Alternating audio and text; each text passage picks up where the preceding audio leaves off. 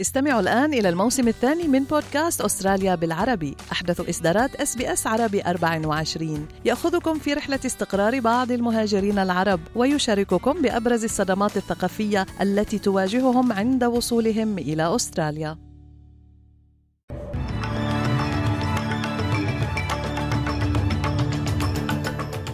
عناوين النشرة. مصرف الاحتياط يبقي أسعار الفائدة على حالها للشهر الثالث على التوالي. مقتل فلسطيني برصاص القوات الإسرائيلية قرب طول كرم في الضفة الغربية المحتلة اليوم وإسرائيل تعلق تصدير البضائع من غزة على خلفية محاولة تهريب متفجرات. بوتين يعد أفريقيا بشحنات حبوب مجانية وموسكو تقول أنها أحبطت محاولة مجموعة تخريبية أوكرانية العبور إلى أراضيها.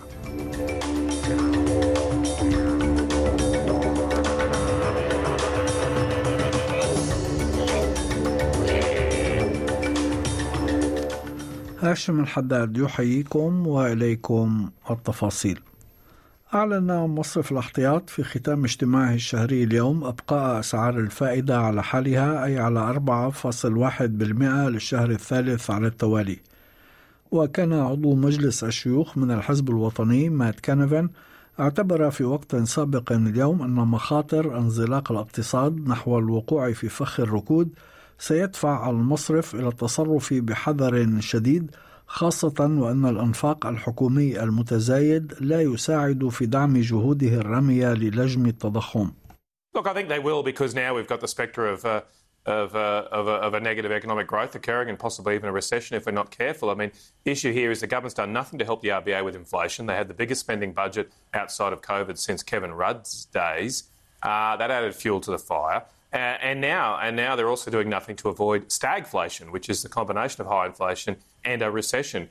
Uh, inflation's still at five percent, still very high, and you know there are a lot of economists now concerned about Australia entering into a recession. أعلن المدير التنفيذي لشركة كوانتس ألان جويس اليوم أنه سيتقاعد قبل شهرين من الموعد المحدد لذلك وأتى هذا الإعلان على خلفية سلسلة من الأنباء السلبية التي لاحقت الشركة خلال الأسبوعين الماضيين وأساءت إلى سمعتها. ومن المرتقب بعد هذا الإعلان أن تشغل فانيسا هادسون منصب المدير التنفيذي لكوانتاس اعتبارا من يوم غد الأربعاء. عضو مجلس الشيوخ العمالي توني شيلدن اعتبر أن رحيل جويس لا يجب أن يعفي الشركة من مسؤولياتها حيال زبائنها والشعب الأسترالي. They're hiding behind this announcement to avoid their responsibility to make sure the loophole that they've created and the companies across the economy have been following, they need to turn around and say they're backing the Australian public, they're backing Australian customers, and they're going to turn around and make sure there's a difference and a change to what's happening with regards to this company's operation. And if that doesn't happen, Richard Goyder should go when the November AGM comes up. Otherwise, uh, the company should be held to account on every front. من جانبه سكرتير نقابة عمال المواصلات مايكل كين رحب بتقاعد جويس المبكر معتبرا أنه ألحق الكثير من الأضرار بالشركة وبعمالها. We welcome this news. Time has caught up with Alan Joyce and his actions have caught up with him as well. This is 15 years um, of a CEO that's overseen a company that's decimated aviation jobs. Um, he has exposed the loopholes in our industrial regulation. He's created 38 separate entities. He's splintered his workforce. He's pushed standards down. The pressure was right on Alan Joyce. Um, the Australian public have caught up with him and we think it's uh, a, a time for a fresh start at Qantas. يستعد وفد مؤلف من برلمانيين فيدراليين من مختلف الأحزاب والقوى السياسية للسفر إلى الولايات المتحدة لإجراء محادثات مع أعضاء في الكونغرس ومسؤولين في وزارتي الخارجية والعدل بهدف إقناع الإدارة الأمريكية بالتخلي عن خططها المتعلقة باسترداد مؤسس موقع ويكيليكس الأسترالي جوليان أسانج من بريطانيا لمحاكمته بتهمة التجسس. وسيضم الوفد عضو مجلس النواب من الحزب الوطني برنابي جويس وتوني زابيا من حزب العمال والمستقلة مونيك راين وعضو مجلس الشيوخ من حزب الأحرار أليكس أنتيك وعضوي مجلس الشيوخ من حزب الخضر بيتا ويش ويلسون وديفيد شوبريدج.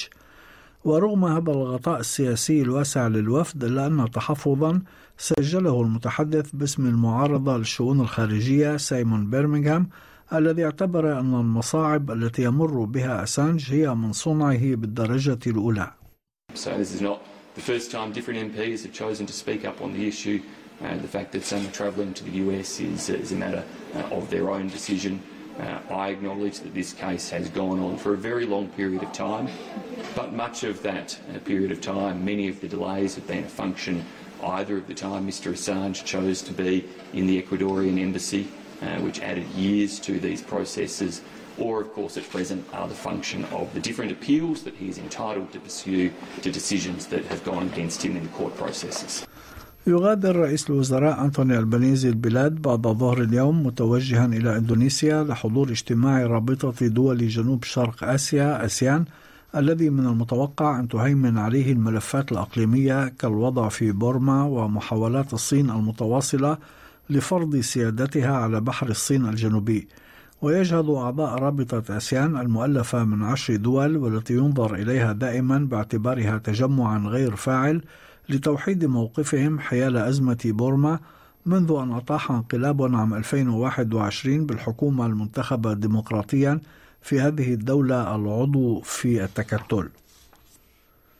اقتحمت قوة عسكرية إسرائيلية فجر اليوم مخيم نور شمس للاجئين بمدينة طول كرم شمال الضفة الغربية المحتلة من عدة محاور وسط اشتباكات مع مسلحين فلسطينيين.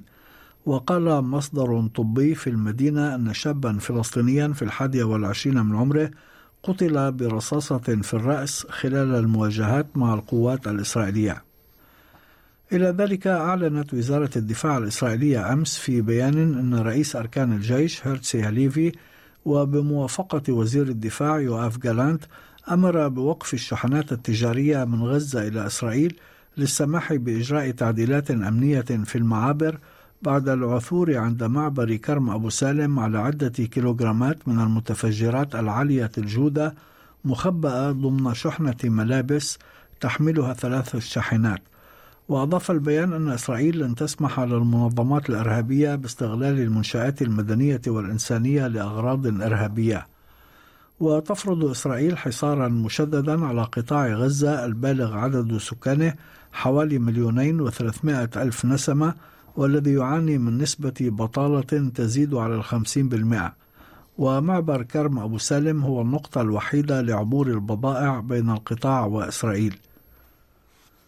أفاد حاكم منطقة بريانسك في غرب روسيا أن حرس الحدود ووحدات تابعة لوزارة الدفاع أحبطوا محاولة قامت بها مجموعة تخريب واستطلاع أوكرانية للعبور إلى الأراضي الروسية.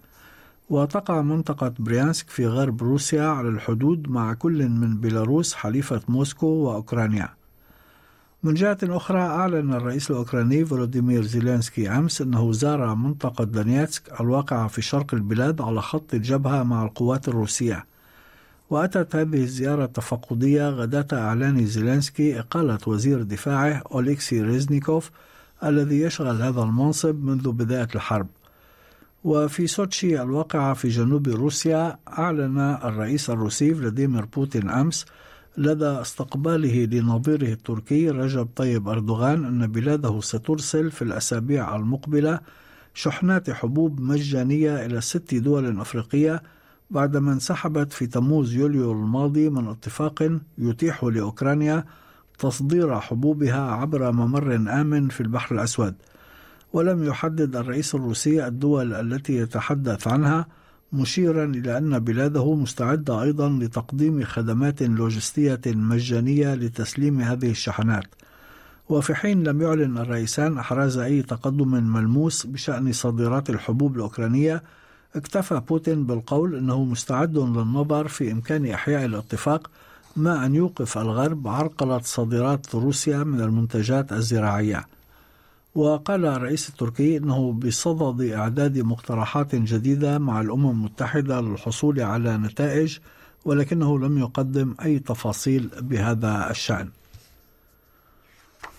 في أخبار الرياضة واصل الإسباني كارلوس ألكاراس المصنف أول عالميا بنجاح حملة الدفاع عن اللقب في بطولة الولايات المتحدة المفتوحة لكرة المضرب على ملاعب فلاشينغ ميدوز بفوز ببلوغه الدور ربع النهائي إثر تغلبه أمس على الإيطالي ماتيو أرنالدي 6 3 6 3 و 6 4 ولحقت التونسية أنس جابر الخامسة عالميا ووصيفة بطلة النسخة الأخيرة بالبولندية إيجا شفيونتيك الأولى وحاملة اللقب بالخروج من البطولة بخسارتها أمام الصينية كينوين جينغ 2 6 و 4 6 في ثمن النهائي.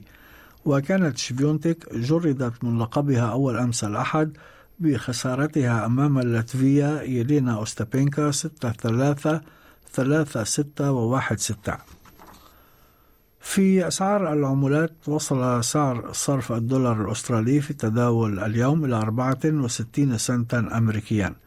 حالة الطقس المتوقعة غدا في أديلايد مشمس 24 درجة بريسبن مشمس 27 هوبارت غائم 18 داروين مشمس 33 بيرث غائم جزئيا 19 درجة ملبون غائم جزئيا مع رياح 19 سيدني مشمس 21 وأخيرا في العاصمة الفيدرالية كامبرا مشمس بعد صقيع صباحي 17 درجة. كانت هذه نشرة الأخبار المفصلة أعدها وقدمها لكم هاشم الحداد. شكرا لإصغائكم.